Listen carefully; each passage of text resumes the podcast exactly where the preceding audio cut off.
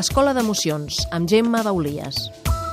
I en aquesta escola d'emocions tenim una pediatra eh, de capçalera, que és la Gemma Baulies, que és homeòpata, que és coautora del llibre La criança transversal, que és metge naturista i que avui ens parla d'una emoció que a mi se'n fa difícil imaginar en els nens, però segur que també senten que és la impotència. Sí, eh, la impotència és una sensació que hem tingut tots, no?, davant de fets que no podem, no podem fer, davant de circumstàncies que ens arriben a frustrar, tot això ens crea una sensació molt desagradable, no?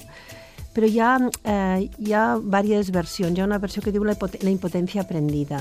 Tu pots, eh, depèn de quina família vinguis, eh, aprendràs aquesta impotència. Algú que no valora el que fas, algú que la teua imaginació no la porti a terme. I nosaltres vam tindre molta sort perquè l'àvia dels meus fills, la meva filla disfre, feia un, una disfressa i la, meva, i la seva àvia li feia.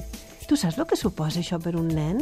Que no hi ha límits, que ell pot imaginar el que sigui i el que imagina ho pot aconseguir.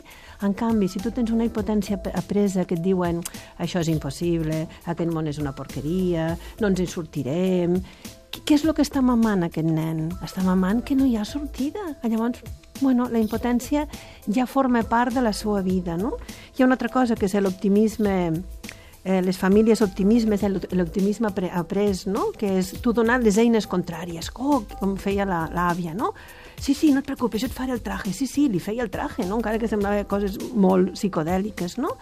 O, o potenciar tota aquesta curiositat i aquesta cosa que té. Hi ha una cosa molt curiosa, un estudi que es va fer a Cambridge, al qual vam veure. Primer vam passar un test de veure quina, quin concepte tenien els alumnes de si mateixos i després els hi posaven unes caixes i tenien que dir si pesaven molt o pesaven poc. La gent que se sentia impotent o que tenia una visió molt negativa de si mateixa, les, les, les caixes pesaven una barbaritat. La gent que tenia una visió molt positiva de si mateix, les mateixes caixes no pesaven absolutament res. És a dir, que la manera que tu tinguis de veure, de sentir-te tu, això farà que tu sentis el món. Això és molt important.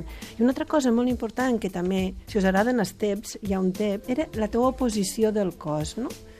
Si tu tens una posició erguida, erguida i mirant cap endavant, no hi ha cap problema. Si tu tens una visió, tu, si tu et poses encongida, amb, amb els ombros replegats cap endintre, la teva visió del món és molt diferent davant d'un examen, qui traurà millor nota? Sàpiguen el mateix, la persona que està erguida.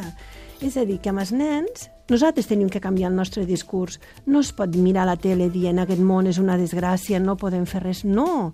Tens que mirar el món i dir, podem canviar. Hi ha algun moment que podem fer un punt d'inflexió. I nosaltres, mira, reciclant reciclant ja és un punt d'inflexió.